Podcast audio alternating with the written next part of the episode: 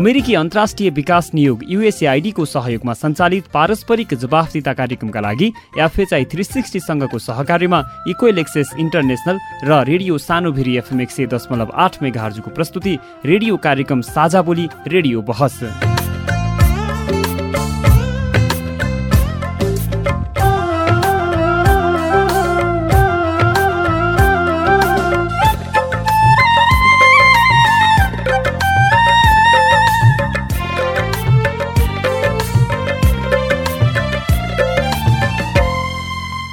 नमस्कार साझा बोली रेडियो बहसमा तपाईँलाई स्वागत छ। म मनिष खड्गा। साझा बोली रेडियो बहसमा हामी नागरिक समाज आम सञ्चार माध्यम र सार्वजनिक निकाय बीचको पारस्परिक जवाफदिता र आपसिद्धिको सम्बन्धका विषयमा बहस गर्छौँ। पारस्परिक जवाफदिताका क्षेत्रीय सवाल र परिवेश समेटेर तयार पारिएको साझा बोली रेडियो बहसको यो स्थानीय संस्करण हो। आजको साझा बोली रेडियो सानीभिरी एफएम एक सय दशमलव आठ मेघार्जले उत्पादन गरेको हो। यो कार्यक्रम रोल्पा जिल्लाको रेडियो रोल्पा एफएम सल्यान जिल्लाको रेडियो शारदा एफएम र प्युठान जिल्लाको रेडियो कृपालु एफएमबाट पनि सुन्न सकिन्छ। जवाफदिदाको राष्ट्रिय सवालमा नीति र कार्यान्वयनको समन्वय गर्ने साझा बोली रेडियो बहसको केन्द्रीय संस्करण इक्वेल एक्सेस इन्टरनेसनलले काठमाडौँमा उत्पादन गर्छ। साझा बोलीका दुवै संस्करणहरू तपाईँले हरेक हप्ता एकै समयमा सुन्न सक्नुहुन्छ। साझाबोली रेडियो बहसको यस सत्रको यो स्थानीय संस्करणको चौथो भाग हो झन्डै चार वर्ष अघिदेखि प्रसारण भइरहेको साझा बोली यस वर्ष रेडियो बहसका रूपमा उत्पादन तथा प्रसारण सुरु भएको हो। साझाबोली रेडियो बहसको आजको भागमा असार एक गतेबाट सुरु भएको नयाँ शैक्षिक सत्र र पठन पाठन सञ्चालनको सम्भावनाका विषयमा बहस गर्दैछौँ। विश्वव्यापी कोरोना महामारीका कारण हरेक क्षेत्र जस्तै शिक्षा क्षेत्रमा पनि ठूलो असर परेको छ। देशभरमा दुई शैक्षिक सत्र कोरोना भाइरसको महामारीका कारण प्रभावित भएका छन्। दुई शैक्षिक सत्रमा विद्यार्थीहरूले परीक्षा दिन पाएनन्। आन्तरिक मूल्याङ्कनलाई आधार बनाइयो। पुरा कोर्स समेत विद्यार्थीहरूले पढ्न पाएनन्। कोरोना भाइरसको जोखिमकै बीचमा फेरि पनि नयाँ शैक्षिक सत्र सुरु भएको छ। आन्तरिक मूल्याङ्कनका आधारमा विद्यार्थीहरूलाई अङ्क दिएर असार एक गतेबाट नयाँ शैक्षिक सत्र सुरु भएको छ। तर अहिले तत्कालै भने विद्यालय खुल्ने अवस्था देखिन्न। शैक्षिक सत्र सुरु भइसकेको अवस्थामा पठन पाठन सञ्चालनको सम्भावना कति छ भन्ने बारेमा आज हामी बहस गर्दैछौँ। अब नेक्स्ट भेरिएन्टहरू पनि आउन सक्छन् कोभिडका यस्तो अवस्थामा चाहिँ फेरि पनि लकडाउन हुनसक्छ यस्तो अवस्थामा के गर्ने भन्ने हिसाबले सोच्न पर्यो। त्यो हिसाबले कार्यक्रम तयार गर्नुपर्ने देखियो। पहिलो कुरा दोस्रो अभिभावक जागरुक हुने शिक्षक परिचालित हुने र बालबालिकाहरूले सिक्ने अवसर पाउने खालका क्रियाकलापहरू के गर्न सकिन्छ भन्ने बारेमा सोच्न पर्ने भयो। त्यस्तै कोरोना भाइरसले शैक्षिक गतिविधिमा पारेको असर र सरोकारवालाको भूमिकाका विषयमा सिधा प्रश्नको सिधा जवाब पनि सुन्न सक्नुहुन्छ। अनलाइन क्लास सुरु गर्ने भनेर भनिरहेको छ।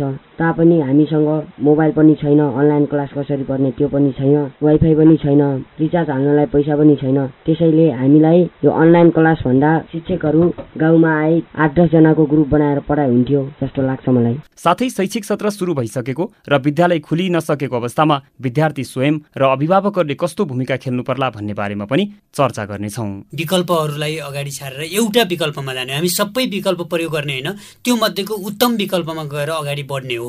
हामी गम्भीर छौँ शैक्षिक क्षेत्र यसरी ध्वस्त भइराखेको छ। एउटा पुस्तालाई चाहिँ असक्षम बनाउने खतरातिर बढिराखेको छ। यस्तो संवेदनशील विषयमा हामी प्रतिबद्ध नहुने विषय नै रहेन। साझा बोली रेडियो बहस अमेरिकी अन्तर्राष्ट्रिय विकास नियोग युएसएआईडी मार्फत अमेरिकी जनताहरूको सहयोगका कारण सम्भव भएको हो। यस कार्यक्रमभित्रका विषयवस्तु र सामग्री पारस्परिक जवाबदेहिता कार्यक्रमका एकल जिम्मेवारी हुन्। र यहाँ प्रस्तुत भनाइले युएसएआईडी वा अमेरिकी सरकारको विचार प्रतिबिम्बित गर्छन् भन्ने जरुरी छैन। रेडियो कार्यक्रम साझा बोलीमा तपाईँलाई फेरि स्वागत छ। असार एक गतेबाट सुरु भएको नयाँ शैक्षिक सत्र र पठन पाठन सञ्चालनको सम्भावनाका विषयमा कुराकानीका लागि यतिखेर कार्यक्रममा उपस्थित भइसक्नु भएको छ। रुकुम पश्चिमको मुसिकोट नगरपालिकाका सामाजिक विकास समितिका संयोजक सुशील गौतम र शिक्षा क्षेत्रमा लामो समयदेखि सक्रिय केशव कुमार विशी यहाँहरू दुवैजनालाई रेडियो कार्यक्रम साझा बोलीमा हार्दिक स्वागत छ। धन्यवाद मनिषी धन्यवाद मनिषी। अब हामी विषय प्रवेश गर्छौँ। आजको छलफलको विषय हो असार एक गतेबाट सुरु भएको नयाँ शैक्षिक सत्र र पठन पाठन सञ्चालनको सम्भावना। कोरोना भाइरसका कारण लामो समयदेखि शैक्षिक गतिविधि ठप्प छन्। शैक्षिक सत्र दुई हजार छयत्तरदेखि हालसम्म विद्यालय खुल्दै बन्द हुँदै गरेका छन् भने माध्यमिक शिक्षा परीक्षा एसई सहित विद्यालय स्तरका वार्षिक परीक्षा र अन्य विभिन्न तहका परीक्षाहरू पनि प्रभावित हुँदै आएका छन्। यस्तो अवस्थामा शैक्षिक सत्र दुई हजार अठहत्तर असार एक गतिदेखि सञ्चालन गर्ने सङ्घीय सरकारको निर्देशन अनुसार सुरु भएको छ। तर विद्यालय भने कहिलेबाट खुल्छन् र पठन पाठन कहिले र कसरी हुन्छ भनेर अन्यल कायमै छ। विद्यार्थी तथा अभिभावकहरू अन्यलमा परेका छन्। कोरोना भाइरस महामारीले गर्दा लामो समयदेखि विद्यार्थीहरू फुर्सदिला समेत बनेका छन्। विद्यार्थीहरू के कसरी समय बिताइरहेका छन् त? केही विद्यार्थीहरूका कुरा सुनौ त्यसपछि छलफल सुरु गरौँला। आज खरो छलफल हुनेछ कान थापेर सुन्नुहोला है। मेरो नाम चन्द्रमा विक घर रोल्पा नगरपालिका दुई लिबाङमा बस्छु। घर आइसी काम गर्ने बस्ने घरमा बुवा मम्मीले सघाउने। विद्यालयहरू बन्द छ। पठन पाठनमा त्यही अब मोबाइल छ अनलाइन क्लास लिनको लागि अब त्यसमा पनि पैसा रिचार्ज पटक पटक राखिराख्नु पर्छ अनि त्यसको लागि पनि अब वाइफाई छैन घरमा। मेरो नाम रविन्द्र विक घर लिबाङ दुई रोल्पा। लामो समयदेखि विद्यालय बन्द छ। हामी घरमै बसेर घर आएपछि कामहरू गरेर कहिले आमा बाबाले सघाउने गला जाने घर आएपछि काम गर्ने पानी सानी भर्ने त्यसरी गरी सघाइरहेको छ। नयाँ किताब त्यति सिकाउने ठुलो अभिभावक पनि हुनुहुन्न अब नयाँ किताब कसरी पढ्ने भन्ने छ। नमस्ते म गाउँपालिका नौ नुवाकोटदेखि रमिता केसी। घरमा बसेर घराँसिए काम गर्नुपर्ने जस्तै घाँस काट्नुपर्ने खाना पकाउनु पर्ने आमा बुवालाई सघाउनु पर्ने भाइ बहिनी सघाउनु पर्ने यस्तै अब घराँसिए काममा नै दिन बितिरहेका छन्। के अप्ठ्यारो लागेको वर्डहरू हुन्छ त्यो वर्ड कसलाई सोध्ने के गर्ने भन्ने कुरा पहिलो कुरा नै त्यो छ सबभन्दा कसरी जान्ने कहाँबाट सिक्ने अब स्कुलमा हुँदा गुरुहरूलाई मैले यो कुरा जानेन सर भनेर सोध्ने हुन्थ्यो भने अहिले घरमा त्यो सुविधा छैन। जान्ने हो मेरो घर चाहिँ रुकुम त्रिवेणी गाउँपालिका नुवाकोटको हर्लापुर भन्ने गाउँ पर्छ। घरमा भएको गरेपछि काम सँगसँगै आमा बुवालाई चाहिँ आफूले सक्दो सहयोग गरे जति होइन? जति सकिन्छ त्यति गर्ने बेलुका चाहिँ पढाइलाई एकदमै निरन्तर दिइरहेका छौँ। सुशीलजी विद्यार्थी अझै कतिन्जेल फुर्सदिलो भएर बस्नुपर्ने हो? ट्याक्क यो भन्ने यतिजन भनेर समय तोक्न त सकिँदैन। समग्रमा हेर्दाखेरि अहिले चाहिँ कोभिडको कारण शिक्षामा एउटा प्रभाव परेको छ यसले चाहिँ शैक्षिक संस्थाहरू बन्द भइराखेको अवस्था छन्। हामीले मुसिकोट नगरपालिकाको सन्दर्भमा के सोचिराखेका छौँ भने हामी साउन पहिलो हप्तादेखि वैकल्पिक व्यवस्था कोभिडको नियन्त्रणमा चाहिँ कमी आएन र कोभिड यसरी नै बढिराख्यो भनेपछि हामी यसलाई वैकल्पिक व्यवस्थाबाट चाहिँ पठन पाठन सञ्चालन गर्ने योजना बनाइराखेका छौँ। त्यसको निम्ति आवश्यक परामर्श भइराखेको छ र खास गरेर हामीसित दुई तिनवटा वैकल्पिक व्यवस्था गरेर पठन पाठन गर्न सकिन्छ भन्ने छलफल वैकल्पिक व्यवस्थाको बारेमा एकछिन पछि पनि आउला हामी।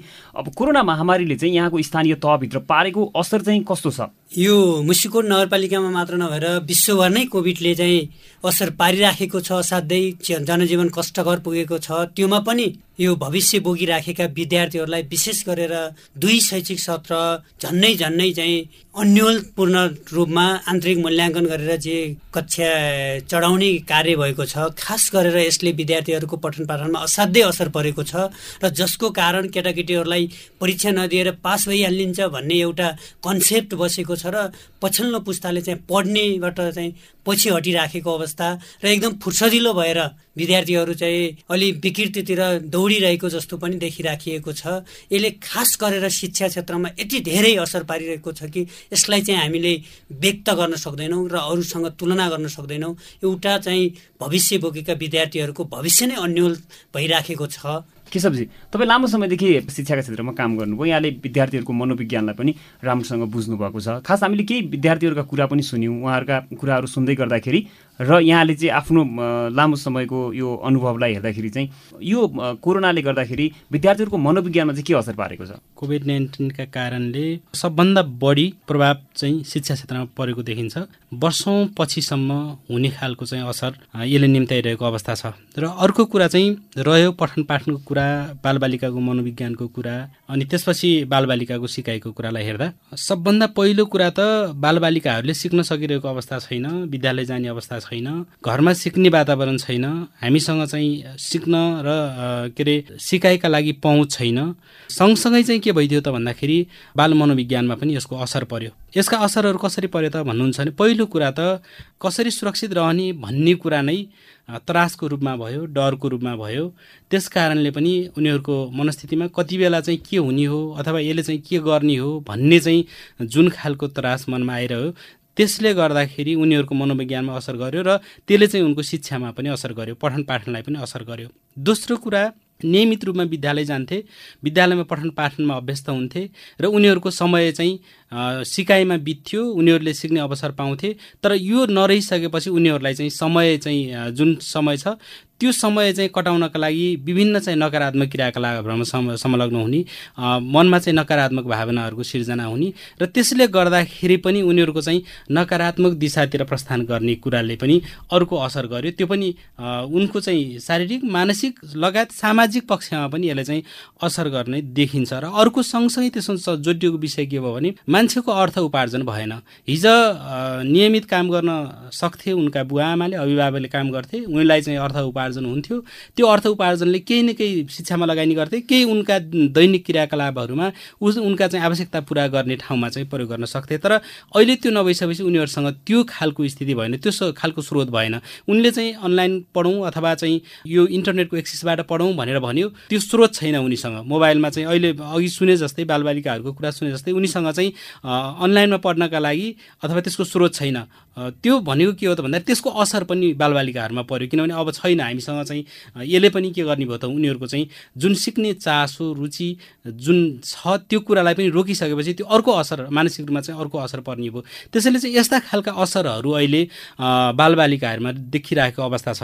म सुशीलजीकोमा आउन चाहन्छु फेरि पनि। लामो समयदेखि विद्यालय त बन्द रहेकै छन्। यो विश्वकै समस्या पनि भयो। हाम्रो देश नेपालमा पनि दुईवटा शैक्षिक सत्र चाहिँ नराम्ररी प्रभावित भएका छन् कोरोनाका कारणले। र जिल्लालाई पनि यसले चाहिँ गाँजेकै पारेकै छ प्रभाव पारेकै छ जिल्ला फेरि अछुतो रहने कुरा भएन।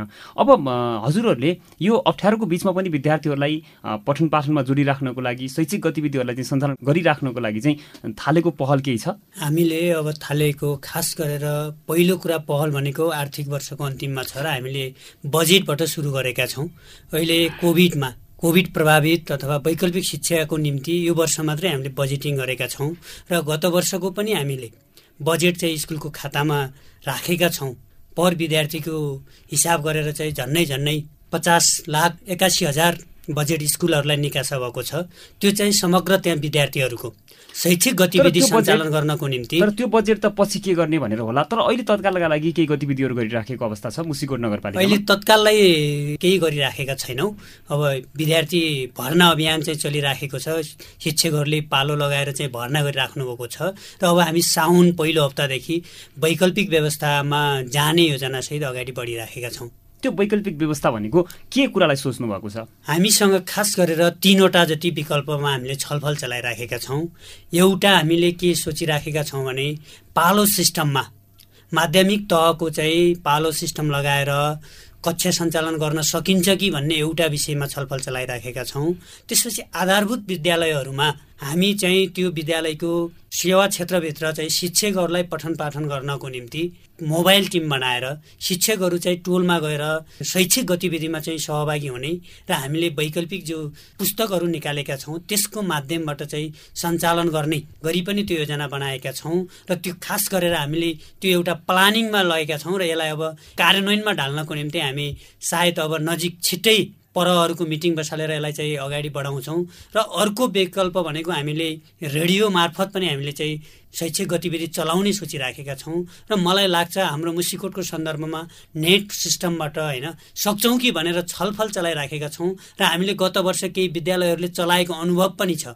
त्योबाट त्यति धेरै हामी सफल भएका छैनौँ र हामीले शिक्षामा लिन सकेको शैक्षिक दक्षता जे हो शिक्षामा जे दिन खोजेका थियौँ त्यो इन्टरनेट मार्फत चाहिँ सम्भव नभएको चाहिँ हामीलाई महसुस भएको छ र त्यो सफल नभएको हामीले चाहिँ भर्चुअल क्लास चलाउँदाखेरि विद्यार्थीहरू सहभागी नहुने अवस्था त्यो भएको र कतिपय कैयौँ पटक चाहिँ अभिभावकले चाहिँ भर्चुअल क्लासमा सहभागी हुने गरेर रिचार्ज हालिदिने तर त्यहाँका केटाकेटीहरू अर्कोमा प्रयोग भएको त्यो रिचार्ज चाहिँ सही ढङ्गमा प्रयोग नभएको पनि पायौँ। त्यसकारण हामी अहिले तिनी सबै विषयहरूमा हामी सबै विषयहरूमा गम्भीरतापूर्वक गत वर्षको समीक्षा सहित यो वर्ष साउनदेखि हामी शैक्षिक गतिविधिलाई अगाडि बढाउँछौँ। केशवजी अब सुशीलजीले भने जस्ता तिन चारवटा यी विकल्पहरू रहे। र योभन्दा अरू पनि केही विकल्प हुन सक्छन् कि? अथवा चाहिँ अहिलेकै अवस्थामा पठन पाठन सञ्चालन गर्न कति सम्भव छ? भौतिक कक्षा सञ्चालन गर्ने कुरा त अब तत्काललाई चाहिँ देखिने अवस्था छैन। किनभने अझै पनि कोभिड नाइन्टिनको प्रभाव चाहिँ देखिरहेको अवस्था छ। हामीले चाहिँ समाचार माध्यमहरूबाट पढिरहेका छौँ सुनिरहेका छौँ। र हाम्रो समाजलाई पनि गाँजिरहेको अवस्था चाहिँ हो। सुशील सरले राख्नुभएको विप विकल्पहरू पनि सान्दर्भिक छन् यो अवस्थामा। प्रयोग गर्न खोजिएको पनि हो। प्रयोग भएका हामीसँग चाहिँ त्यस्ता खालका तथ्याङ्कहरू पनि छन्। प्रयोग भइरहेको अवस्था पनि छ। तथापि हाम्रो भौगोलिक अवस्था हाम्रो सामाजिक अवस्था अनि त्यसपछि चाहिँ हाम्रो जनजीवन लगायतका कुराहरूलाई हेर्दाखेरि अहिले भर्चुअलमा चाहिँ रेडियोको पहुँच टेलिभिजनको पहुँच र इमेल इन्टरनेटको पहुँच चाहिँ अलि बढी चाहिँ प्रयोगमा आइरहेको अवस्था चाहिँ हो। तर इमेल इन्टरनेटको अवस्थालाई हेर्ने हो भने हाम्रा बालबालिकाहरू हाम्रो समुदायका बाल बालबालिकाहरू चाहिँ सबै पहुँचमा छैनन्। अझै हेर्ने हो भने टेलिफोनकै कुरा र इमेल इन्टरनेटको कुरा हेर्ने हो भने हामी राम्रोसँग टेलिफोनमा कुरा गर्न सक्ने अवस्थामा छैनौँ भने इमेल इन्टरनेटको पहुँच चाहिँ अलि परेको कुरा देखिन्छ। तत्काललाई हामी यो हुन त हो एउटा विकल्प हो तर हामी यसलाई प्रभावकारी रूपमा चाहिँ गर्न सकेको अवस्था छैन। र हो म केही विकल्पहरू चाहिँ यसका पछाडि केही विकल्पहरूको कुरा गर्छु। यो वैकल्पिक प्रणालीबाट विद्यार्थीको सिकाइ सहजीकरण निर्देशिका भर्खर जारी गरेका छ नेपाल सरकारको। त्यसलाई हेर्ने हो भने पनि त्यसले के गरेछ त भन्दाखेरि ठाउँ परिस्थिति भूगोल अनुसार चाहिँ के के छन् माध्यमहरूको क्याटागोराइजेसन गरौँ? त्यसलाई चाहिँ वर्गीकरण गरौँ भनेर भनेको छ। त्यो वर्गीकरण कसरी गर्ने भनेको छ भने इमेल इन्टरनेटको पहुँच भएको ठाउँमा कसरी गर्न सकिन्छ? इमेल इन्टरनेटको पहुँच नभएको ठाउँमा चाहिँ कसरी गर्न सकिन्छ? होइन कस्तो सामाजिक व्याकरण भएको ठाउँमा चाहिँ कसरी गर्न सकिन्छ? पाठ्य पुस्तक अथवा सामग्रीहरू भएको ठाउँमा कसरी गर्ने? नभएको ठाउँमा कसरी गर्ने भन्ने खालका विकल्पहरू पनि त्यहाँ राखिएका छन्। यसरी हेर्दाखेरि हाम्रो समाजमा हेर्ने हो भने अघि सुशील सरले भने जस्तै एउटा के गर्न सकिन्छ त भन्दाखेरि स्तरीकरण गर्न सकिन्छ। पहिला चाहिँ आधारभूत तहमा चाहिँ कसरी अगाडि जान सकिन्छ? त्यसलाई चाहिँ एकचोटि विश्लेषण गर्ने समीक्षा गर्ने हाम्रो सिकाइलाई त्यसपछि के के उपायहरू हुन सक् सक्छन् खोज्न सकिन्छ? त्यो मध्ये पनि टोल टोलमा टोल शिक्षा चाहिँ एउटा हुनसक्छ। टोल शिक्षा एउटा विकल्प हुनसक्छ। टोल शिक्षामा के गर्न सकिन्छ त भन्नुहुन्छ भने निश्चित टोलका मान्छेहरू निश्चित समुदायका मान्छेहरू यसै पनि टोल टोलमा घुलमिल भइरहेको र बसिरहेको अवस्था छ। त्यस्तो ठाउँमा के गर्न सकिन्छ त भन्दाखेरि शिक्षक सहजकर्तालाई चाहिँ छनौट गर्ने शिक्षक सहजकर्ता हामीसँग पर्याप्त छन् भने उनीहरूलाई परिचालन गर्ने यदि शिक्षक छैनन् भने समुदायमा सहजकर्ताको व्यवस्थापन गर्ने। त्यसलाई कसरी गर्ने त भन्दाखेरि नगरपालिकाले अथवा चाहिँ स्थानीय तहले स्थानीय सरकारले चाहिँ स्रोत व्यवस्थापन गर्ने निश्चित किसिमको मार्गदर्शन तयार गर्ने त्यसलाई चाहिँ कार्यान्वयन गरेर टोल टोलमा चाहिँ सिक्न सिकाउने वातावरण गर्न सकिन्छ एउटा। दोस्रो कुरा अब वैकल्पिक माध्यमबाट शिक्षा दिने क्रममा हाम्रा अभिभावकहरूको पनि पृष्ठभूमि के छ भन्ने बुझ्न जरुरी हुन्छ। हामीले इमेल इन्टरनेट रेडियोबाट टेलिभिजनबाट शिक्षा दिने जुन कुरा गरिरहेका छौँ यसरी शिक्षा दिइरहँदा घरमा चाहिँ अभिभावकहरू आफ्ना बच्चाहरूलाई सहजीकरण गर्न सक्ने अवस्थामा छन् कि छैन त्यसको पनि क्याटेगोराइजेसन गरौँ। अभिभावकले आफ्ना बच्चाहरूलाई चाहिँ सिकाउन सक्ने अवस्थामा छन् भने उनीहरूलाई त्यही किसिमको ल है भनेर एउटा शिक्षक साथीले गएर चाहिँ अथवा टेलिफोनको माध्यमबाट हुनसक्छ अथवा आफू चाहिँ उपस्थित भएर भएर हुनसक्छ। त्यस्तो अवस्थामा ल यसरी चाहिँ सहजीकरण गर्नुहोस् अथवा यो क्रियाकलाप गर्न लगाउनुहोस् जस्ता कुराहरू गर्न सकिन्छ त्यसरी जान सकिने भयो भने अलि माथिल्लो लेभलमा क्याटेगोराइजेसन गरेर माध्यमिक तहमा र उच्च माध्यमिक तहमा के गर्न सकिन्छ त भन्दा रेडियो इमेल इन्टरनेटका कुरा र टेलिभिजनका मार्फत पनि त्यो चाहिँ वैकल्पिक शिक्षाको चाहिँ बाटो अप्नाउन सकिन्छ जहाँ बालबालिका आफै पनि सुन्न सक्ने पढ्न सक्ने र त्यसको चाहिँ कार्यान्वयन गर्न सक्ने सिक्न सक्ने अवस्थामा हुन्छन्। त्यसरी चाहिँ विकल्पहरू खोजी गर्न सकिन्छ। तर अर्को कुरा के हो त भन्दाखेरि हामीलाई यो दुई वर्षमा अथवा कोभिडले जुन पछिल्लो परिस्थितिमा चाहिँ आउँदासम्म जे कुरा सिक्यौँ यसले चाहिँ हामीलाई केही न केही सिकाइदिएको छ। हामीले के कुरा गर्न सकिन्छ भन्ने कुराको छ। त्यसलाई चाहिँ त्यो सिकाइलाई समीक्षा गरेर कार्यान्वयन गर्नेतर्फ चाहिँ लाग्नुपर्छ जस्तो लाग्छ। तपाईँ अहिले पारस्परिक जवाफदिता प्रवर्धनका लागि साझा बोली रेडियो बहस सुन्दै हुनुहुन्छ।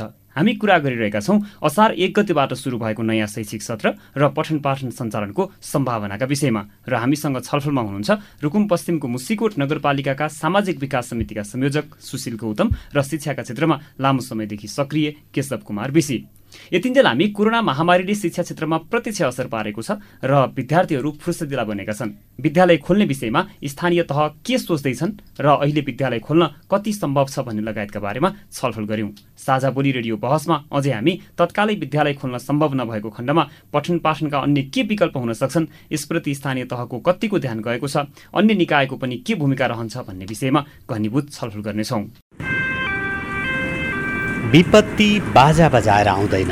गर्मीमा आगलागी डढेलो वर्षामा बाढी पहिरो भूकम्प कोरोना र अरू पनि।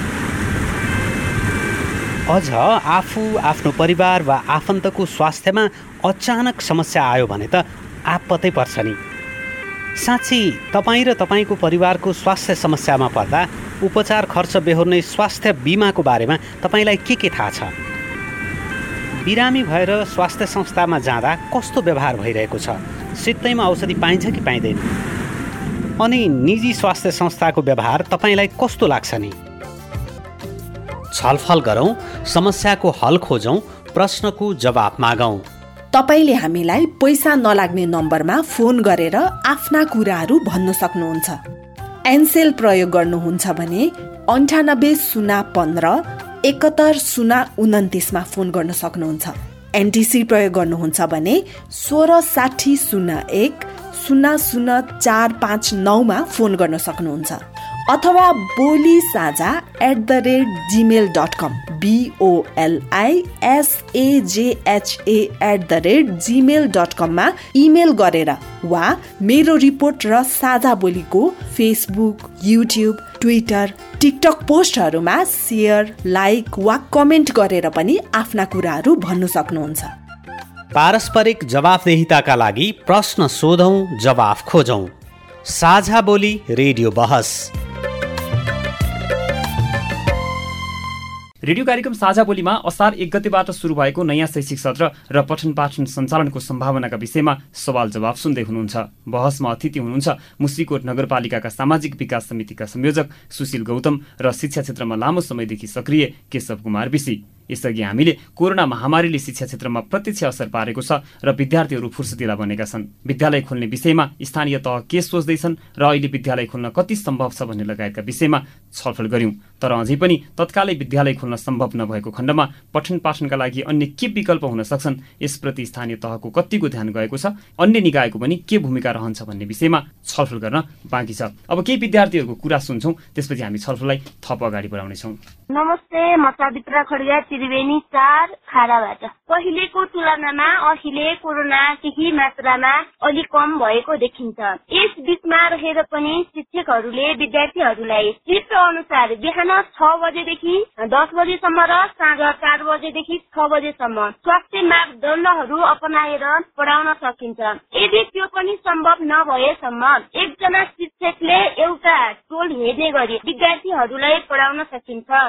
नमस्कार म हिरा मगर मुसिकोट नगरपालिका आठौँ दिनुमा रुकुम पश्चिमबाट। महामारीको जोखिम कम हुँदै गइरहेको छ।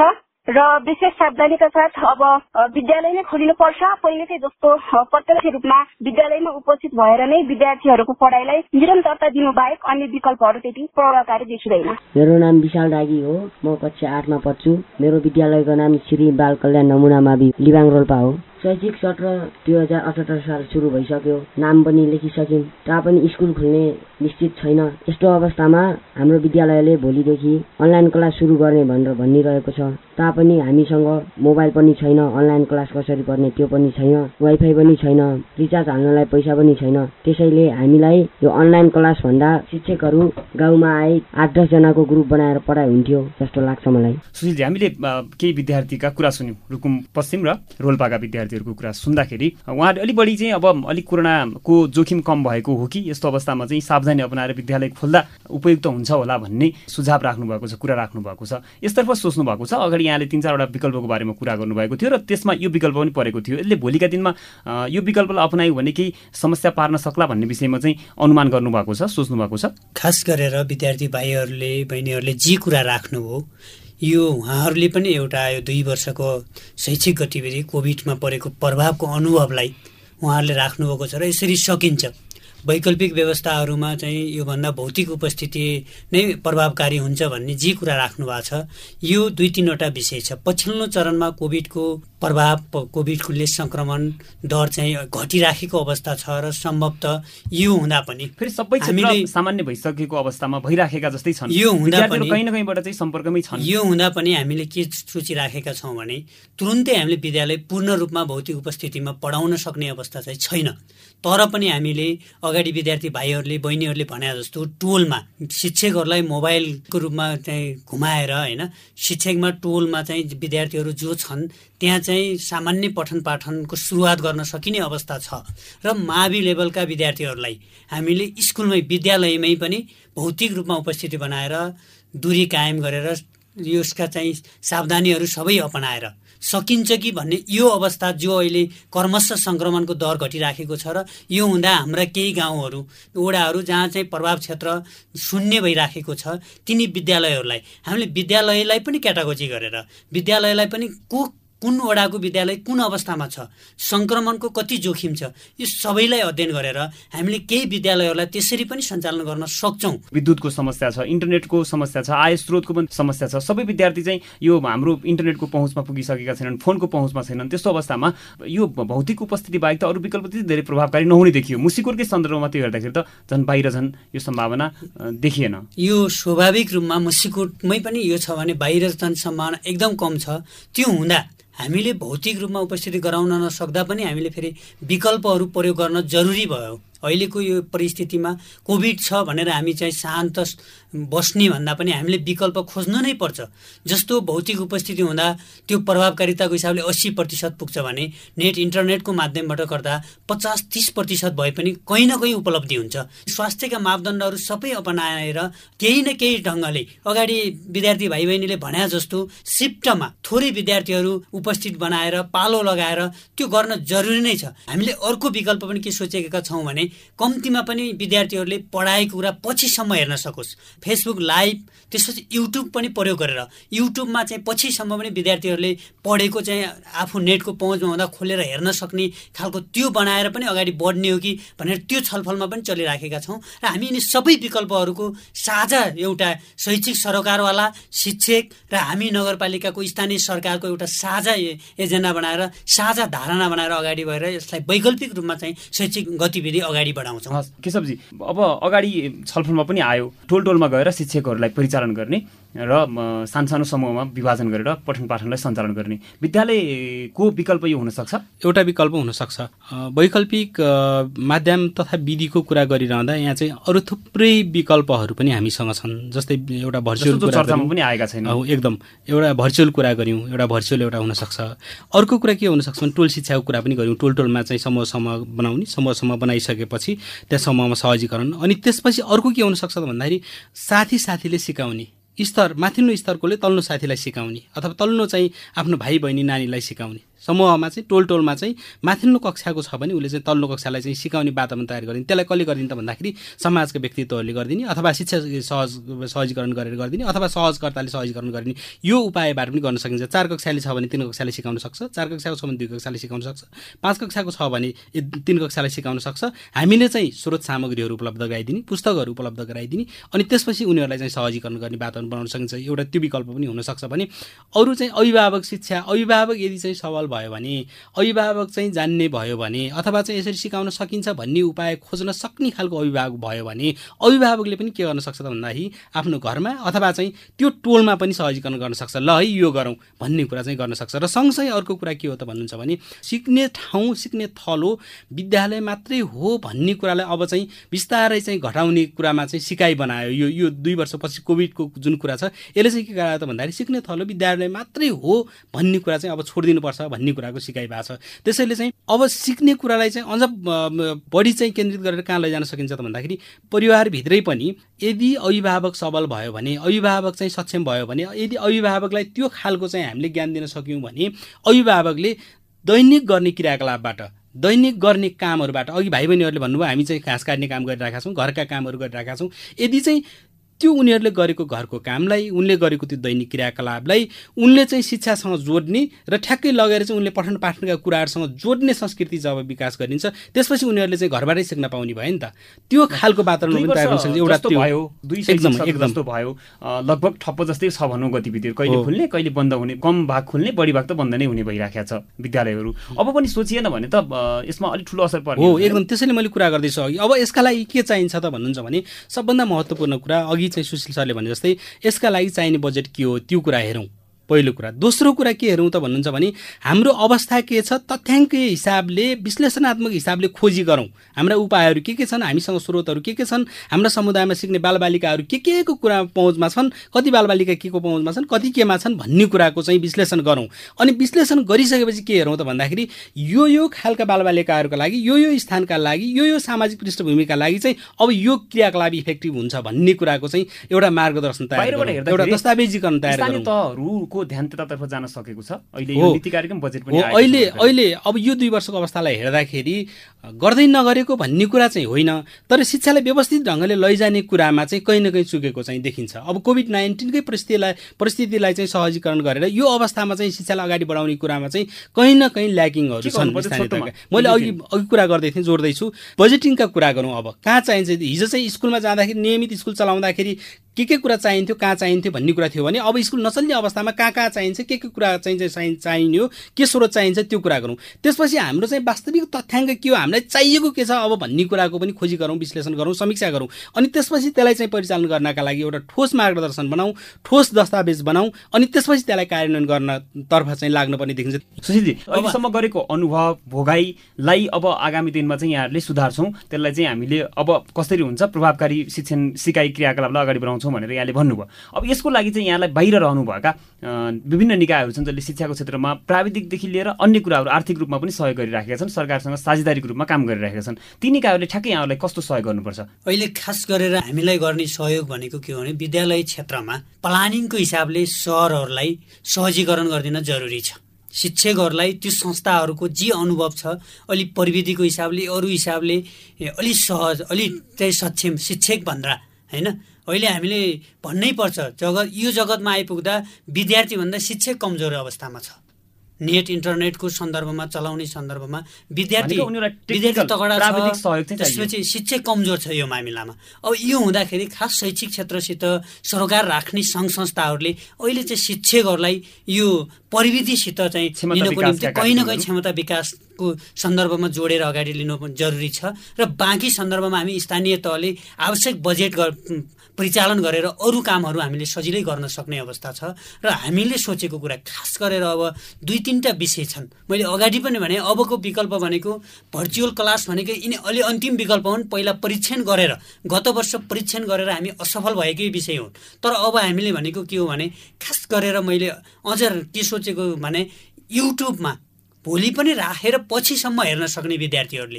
होइन त्यो चाहिँ क्लास क्लासको चाहिँ सर्च गरेर हेर्दाखेरि उसले पछि पनि हेर्न सक्ने खालको एउटा त्यो प्रविधि हुँदाखेरि के हो भने विद्यार्थी त्यो जहाँ चाहिँ आफू पहुँचमा हुँदा चाहिँ उसले नभए पनि उसले पढ्न चाह्यो भने अर्को दिन चाहिँ बाहिर आएर पनि अघिल्लो दिन पढाइ भएको अरू विषयवस्तुहरू हेर्न सकोस्। यो पनि एउटा विकल्प हुनसक्छ भन्ने छलफल छ। त्यसपछि अर्को कुरा के हो भने हामीले टोल टोलमा समुदायमा खास गरेर अगाडि केशव सरले भने जस्तो अगाडि केशव सरले भने जस्तो हामीले के हो भने हाम्रा शिक्षकहरू पर्याप्त हुँदैनन् भने हामीले त्यहाँ सहजकर्ता नियुक्ति सहजकर्ताको मार्फत पनि हामीले चाहिँ विद्यार्थीहरूलाई पठन पाठन शैक्षिक गतिविधिमा सहभागी बनाउन धेरै छलफल यसमा गरिसकेका छौँ। र अलिकति सजिलो यससँगै मैले एउटा के विषय लिङ्क गर्न चाहेँ भने अब शिक्षकहरूले विभिन्न बेला बखतमा चाहिँ माग पनि गरिराख्नु भएको छ। हामीलाई कोरोना खोप चाहियो। खोप हामीलाई लगायौँ भने हामी चाहिँ हाम्रो दायित्व पुरा गर्न सक्छौँ भनेर शिक्षकहरूले भनिराखेको अवस्था छ। र अर्कोतिर के छ भने लामो समयदेखि विद्यालय बन्द छन् शिक्षकहरूले पारिश्रमिक पाइराख्नु भएको छ तर उहाँहरूले आफ्नो जिम्मेवारी चाहिँ पुरा गर्न पाउनु भएको छैन। यस्तो बेलामा उहाँहरूलाई पनि काम लगाउने र उहाँहरूलाई पनि सुरक्षित भएर चाहिँ पठन पाठनमा जोड्नको लागि चाहिँ यहाँले के ध्यान दिनुभएको छ यो खोपको कुरालाई जोड्दैछौँ अब। अब स्थानीय सरकार खोपको पहुँचभन्दा खास खोप चाहिँ दिने क्षमताभन्दा बाहिर रह्यो। तर जिल्लामा आएको खोप जिल्लामा आएको खोपलाई शिक्षकहरूलाई पनि लगाउन सुरु गरेको भन्ने केही कुराहरू पनि छन् म त्यही विषयमा जाँदैछु। खास गरेर खोपको विषयमा यदि हामीले अनुमति पाउने र सजिलै गर्ने भने सबै स्थानीय तहहरूले चाहिँ खोप अहिलेसम्म ल्याइसक्थ्यो होला। झन्डै झन्डै मुसिकोटको सन्दर्भमा मुसिकोटको सन्दर्भमा धेरै लाग्दैन मुसिकोटका जनतालाई दिन तिन करोड जति बजेट भएपछि पुग्थ्यो होला तर त्यो सकिन्थ्यो त्यो हाम्रो पहुँचमा तर अहिले पनि अहिले पनि हाम्रो स्थानीय सरकारको कुरा गर्दा हामी के चाहन्छौँ भने अहिले भर्खर पनि अब अमेरिकाबाट जुन खोप आउँदैछ पन्ध्र लाख होइन? केन्द्रीय सरकारले यो केन्द्रीय सङ्घीय सरकारले निर्णय गर्ने विषय भएकोले म यो रेडियो मार्फत पनि के भन्न चाहन्छु भने यो पटक खास गरेर देशभरिका चाहिँ संस्थागत र सामुदायिक विद्यालयका टिचरहरूलाई यो पहिलो यो अहिले आउने पन्ध्र लाखको खोप लगाउनु पर्छ भनेर मेरो मत राख्छु। तर यो स्थानीय सरकारको मत माथि सङ्घीय सरकार शून्य अवस्थामा छैन। उसले आफ्नो हाम्रो अधिकार छ उनीहरूले आफ्नो अधिकार हुँदा पनि यी सङ्घीय सरकारले के गर्छ भने तोकेर पठाइदिन्छ। अब जे मुसिकोटले पाउँछ अथवा जिल्लामा खोप आउँछ यो खास गरेर सबै स्थानीय तहहरूले रुकुमको जिल्लाको सन्दर्भमा सबै स्थानीय तहहरूले एउटा साझा अवधारणा बनाएर एक चरण चाहिँ यो गर्नुपर्छ र शिक्षकहरूलाई चाहिँ खोप लगाएर अगाडि बढाउनुपर्छ भन्ने एउटा तर्क आउँछ र यो गर्नु न जरुरी छ। साझा बोली रेडियो बहसमा अहिले हामी कुरा गरिरहेका छौँ। असार एक गतेबाट सुरु भएको नयाँ शैक्षिक सत्र र पठन पाठन सञ्चालनको सम्भावनाका विषयमा र हामीसँग छलफलमा हुनुहुन्छ रुकुम पश्चिमको मुसिकोट नगरपालिकाका सामाजिक विकास समितिका संयोजक सुशील गौतम र लामो समयदेखि शिक्षा क्षेत्रमा सक्रिय केशव कुमार विशी यतिन्जेल हामी विद्यार्थीको उपस्थितिमा पठन पाठनको सम्भावना नहुने हो भने पनि अन्य विभिन्न वैकल्पिक विधिको उपयोग गरेर पठन पाठनलाई तत्कालै सुचारू गर्न आवश्यक छ भन्ने बारेमा सहमत भएका छौँ। साझा बोली रेडियो बहसमा अझै हामी शैक्षिक सत्र सुरु भइसकेको र विद्यालय खुल्ने अवस्था नरहेको तथा अन्य कुनै माध्यमबाट पठन पाठन नभइरहेको अवस्थामा विद्यार्थी स्वयं र अभिभावकले पनि के कुरामा ध्यान दिनुपर्छ भन्ने बारेमा घनीभूत छलफल गर्नेछौँ। साथै आज हामी शैक्षिक सत्र सुरु भइसकेको अवस्थामा पठन पाठनलाई कसरी सुरु गर्न सकिएला भन्ने बारेमा निचोडमा पुग्नेछौँ। साझा बोली रेडियो बहस सुन्दै गर्नुहोला।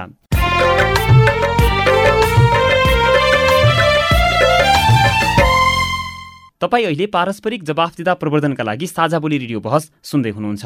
आज हामी असार एक गतेबाट सुरु भएको नयाँ शैक्षिक सत्र र पठन पाठन सञ्चालनको सम्भावनाका विषयमा छलफल गरिरहेका छौँ। बहसमा अतिथि हुनुहुन्छ रुकुम पश्चिमको मुसिकोट नगरपालिकाका सामाजिक विकास समितिका संयोजक सुशील गौतम र लामो समयदेखि शिक्षा क्षेत्रमा सक्रिय केशव कुमार विशी यसअघि हामीले शैक्षिक सत्र सुरु भइसकेको र कोरोना भाइरसको जोखिम अझै कायम रहेको अवस्थामा पठन पाठनका के विकल्प हुन सक्छन् भन्ने बारेमा छलफल गर्यौँ अब भने हामीसँग केही अभिभावकहरूको कुरा छ उहाँहरूको कुरा सुन्छौँ र छलफललाई थप अगाडि बढाउँछौँ। नमस्कार दिलमाया डाँगी नगरपालिका दुई बस्छु अब अनलाइन क्लास भन्छन् त्यो पनि हात हातमा मोबाइल पुऱ्याउनु पर्यो मोबाइल छैन। अब वाइफाई जोड्ने भन्छन् अब त्यो पनि हाम्रो घरमा त्यस्तो सुविधा पनि छैन घरको आइसोलेट कम छ। अनि किताब त आछ अब अलिअलि किताब हेर त भन्दाखेरि हामीले किताब मात्र हेरेर के गर्ने? अब सरहरूको आधार बिना हामी कसरी पढ्ने? किताब मात्र हेरेर हुन्न भन्छन् अनि घाँस दाउरा गर्ने बाख्रा गोला जाने त्यही गर्छन्। Rudrabahadur Vishwakarma. taliban wala number three. आफू अनपढ छ आफूले केही जान्दिनँ अनि बच्चा बच्चीलाई अब खै पढ भन्दा पढ्दैनन्। नयाँ नयाँ किताबहरू छन् ऊ छन् अनलाइनबाट पढ्ने भनि सकिन्न।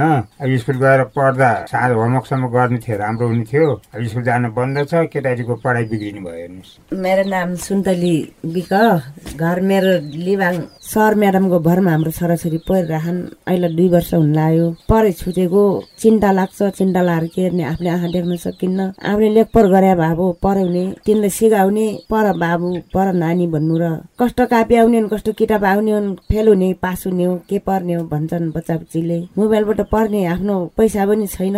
केशवजी के अभिभावकको कुरा सुन्यौँ? यो आम अभिभावकको समस्या हो। आम अभिभावकको यो चाहिँ बुझाइ उहाँहरूको अनुभव हो। यस्तो अवस्थामा अभिभावकहरूको भूमिका चाहिँ कस्तो रहन्छ र रहनुपर्छ? निकै चाहिँ महत्त्वपूर्ण र गहन विषय हो यो।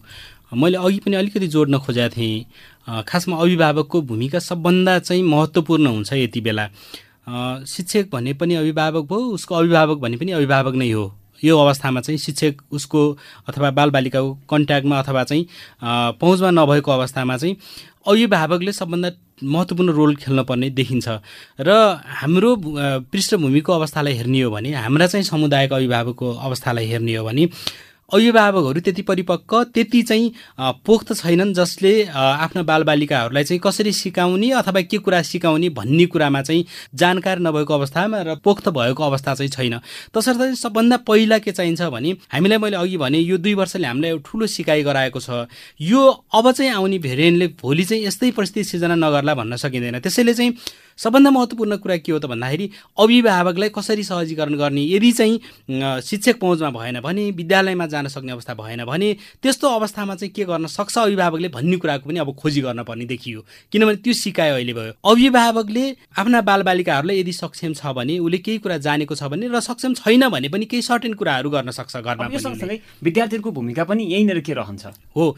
बालबालिकाहरू त अब पहिलो कुरा अघि भनिसक्यौँ हामीले इनोसेन्ट हुन्छन्। यदि चाहिँ सही ट्र्याकमा लगाउन सकिएन भने सही दिशा मार्गदर्शन गर्न सकिएन भने गलत बाटो पकड्न सक्ने अवस्था पनि हुनसक्छ। किनभने फुर्सदिलो समय छ जे गरे पनि हुन्छ।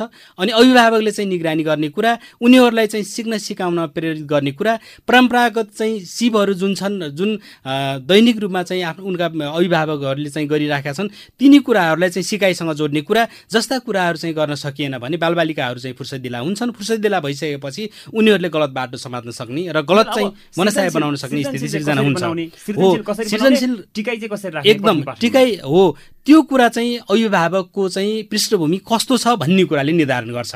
त्यसैले चाहिँ हामी मैले पटक पटक भन्ने गरेको कुरा के हो त भन्दाखेरि अब यो कुरालाई यो विषयलाई सँगसँगै अभिभावक शिक्षासँग पनि जोड्नुपर्छ सुशीलजी अब यहाँनिर अभिभावक शिक्षाको पनि कहीँनिर खाँचो छ भनेर केशवजीले औल्याउनु भएको छ र यो सँगसँगै शिक्षकहरू लामो समयदेखि शिक्षकहरू पनि फुर्सदिला बनेका छन्। उनीहरूले सेवा सुविधा लिएका छन् तर त्यसलाई चाहिँ उश्रममा चाहिँ प्रयोग गर्न पाएका छैनन्। र यही अवस्थामा चाहिँ अभिभावक शिक्षा सँगसँगै विद्यार्थी शिक्षालाई चाहिँ अगाडि बढाउनको लागि शिक्षकहरूलाई चाहिँ केही जोड्ने काम यो बिचमा गर्नुभयो गर्नु भएन एकदम छोटोमा जान्छौँ। यो खास गरेर यो बिचमा हामीले शिक्षकलाई जोड्ने काम गरिरहेका छैनौँ। र यो बिचमा हामीले अरू अरू ध्यान गयो। खास गरेर अहिले हामीले कसरी कोभिडलाई नियन्त्रण गर्ने? स्थानीय सरकार एकचोटि कोभिडले यसरी चाहिँ आक्रान्त बनायो कि बाँच्ने कसरी भन्ने चाहिँ एउटा मानसिकता बनाइदियो। त्यतिखेर हामीले शिक्षालाई भन्दा पनि अब यो कोभिड कसरी भन्ने कुरामा अब चाहिँ बिस्तारै कोभिड नियन्त्रण भइरहेछ र सङ्क्रमण दर घटिराखेको छ। अब हामीले हाम्रा बाँकी समस्याहरू हाम्रा बाँकी आवश्यकताहरू कसरी पूर्ति गर्ने भन्ने दिशातिर उन्मुख छौँ। अब हामीले शिक्षकलाई परिचालन गर्ने कुरा शिक्षालाई चाहिँ वैकल्पिक रूपमा प्रयोग गर्नको निम्ति अभिभावकलाई सजग बनाउने कुरा हामीलाई राम्रोसित थाहा छ। शिक्षाभन्दा पहिलो पाठशाला चाहिँ हाम्रो घर परिवार हो समाज हो त्यसपछि मात्रै विद्यालय हो। तर अब हामीले फेरि विद्या उल्टो हुने विद्यालय हाम्रो विकल्प भएन। अब भनेपछि हाम्रो पहिलो र अन्तिम पाठशाला होइन शिक्षा लिने ठाउँ भनेको घर परिवार र समुदाय नै हुने भयो अब हामीले गर्ने कुरा समुदायलाई नै परिचालन गर्न सक्छौँ। एउटा समुदायभित्र सबै असक्षम भन्ने छैन। त्यो समुदायभित्रका सक्षम व्यक्तिहरूलाई परिचालन गरेर पनि हामीले वैकल्पिक शिक्षा दिन सक्ने त्यो तरिकाले हामीले अब सोध्छौँ यो बिचमा हामी कोभिड कसरी नियन्त्रण गर्ने भन्ने विषयमा सोच्यौँ भने अब चाहिँ अलिक त नियन्त्रण हुँदा हाम्रो दिमाग अर्को विकल्पतिर अगाडि बढ्छ।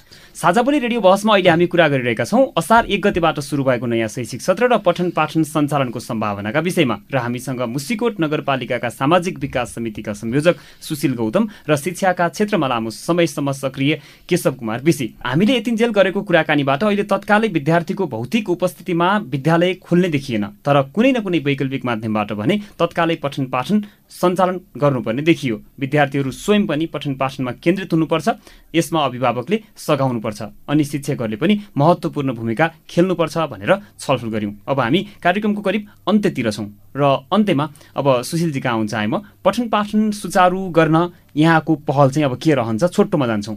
अब हामी लगतै चाहिँ सरोकारवालासँगको एउटा अन्तर्क्रिया गरेर यसलाई कसरी अगाडि बढाउन सक्छौँ हामी शिक्षालाई चाहिँ विकल्पहरूलाई अगाडि छाडेर एउटा विकल्पमा जाने। हामी सबै विकल्प प्रयोग गर्ने होइन त्यो मध्येको उत्तम विकल्पमा गएर अगाडि बढ्ने हो। त्यो यसरी अगाडि प्रतिबद्ध हुनुहुन्छ। एक एकदमै प्रतिबद्ध छौँ हामी। हामी गम्भीर छौँ शैक्षिक क्षेत्र यसरी ध्वस्त भइराखेको छ जसले चाहिँ भोलि यसले चाहिँ अन्धकार बनाउने एउटा चाहिँ एउटा पुस्तालाई चाहिँ असक्षम बनाउने खतरातिर बढिराखेको छ। यस्तो संवेदनशील विषयमा हामी प्रतिबद्ध नहुने विषय नै रहेन। केशवजी अन्तिममा छौँ। अहिलेको अवस्थामा पठन पाठन कसरी सुचारू गर्ने भन्ने विषय अबको एउटा पेचिलो विषय रह्यो र यसमा स्थानीय सरकारको ध्यान कसरी जानुपर्छ भन्ने अर्को एउटा दुइटा यो विषय चाहिँ अलिक गम्भीर विषय रह्यो। हामी धेरै छलफल गरिसकेका छौँ। सारांशमा एकदम छोटोमा चाहिँ अब स्थानीय तहले के कुरामा ध्यान दिनुपर्छ र पठन पाठन कसरी सुचारू गर्ने? एकदम। छोटोमा। अब अब चाहिँ अबको महत्त्वपूर्ण कुरा के हो भने अबको तत्काल स्कुल खुल्दैछन् अब विद्यालय खुलिसकेपछि पुनः चाहिँ के अरे नियमित कक्षा पठन पाठन सञ्चालन हुन्छ भन्ने कुरा भन्दा बाहिर रहेर अब के कुरालाई हेर्नुपर्ने भयो त भन्दा अब नेक्स्ट भेरिएन्टहरू पनि आउन सक्छन् कोभिडका यस्तो अवस्थामा चाहिँ फेरि पनि लकडाउन हुनसक्छ यस्तो अवस्थामा के गर्ने भन्ने हिसाबले सोच्न पऱ्यो त्यो हिसाबले कार्यक्रम तयार गर्नुपर्ने देखियो। एउटा पहिलो कुरा। दोस्रो कुरा अब सँगसँगै के कुरालाई जोड्नुपर्ने हो त भन्दाखेरि अभिभावक जागरुक हुने शिक्षक परिचालित हुने र बालबालिकाहरूले सिक्ने अवसर पाउने खालका क्रियाकलापहरू के गर्न सकिन्छ? के गर्यो के कार्यक्रम चाहिँ तयार गर्यो भनेपछि बालबालिकाहरूले सिक्न सक्ने वातावरण तयार हुन्छ भन्ने बारेमा सोच्न पर्ने भयो। एउटा गतिलो कार्यक्रम तथा ठोस नीति बनाएर त्यसको परिचालन र कार्यान्वयन हुने गरी स्थानीय तहले चाहिँ व्यवस्थापन गर्न सक्यो भने हामीले कोभिड नाइन्टिनका बेला अथवा लकडाउनका बेला पनि हामीले समुदायले परिचालन गरेर शिक्षकहरूलाई परिचालन गरेर बालबालिकाहरूलाई सिक्न सिकाउन सक्ने वातावरण तयार गर्न सक्छौँ र त्यो वातावरण पायो भने मात्रै बल्ल चाहिँ अब हामी सामाजिक कुरा शिक्षा त एउटा चाहिँ यस्तो महत्त्वपूर्ण अस्त्र हो जसले चाहिँ सबै सामाजिक स्वरूपलाई धानेको छ त्यो भए हुनाले त्यस्तो खालको स्थिति तयार गर्न सक्छौँ भन्ने सुझाव चाहिँ मेरो छ।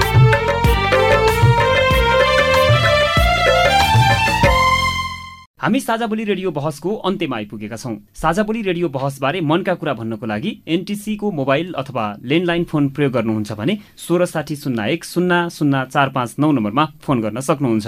एनसेल प्रयोग गर्नुहुन्छ। अन्ठानब्बे शून्य पन्ध्र एकहत्तर शून्य उनातिसमा फोन गर्नुहोला। यी नम्बरहरूमा फोन गरेको पैसा लाग्दैन र प्राप्त निर्देशन अनुसार प्रश्न सोध्न सकिन्छ।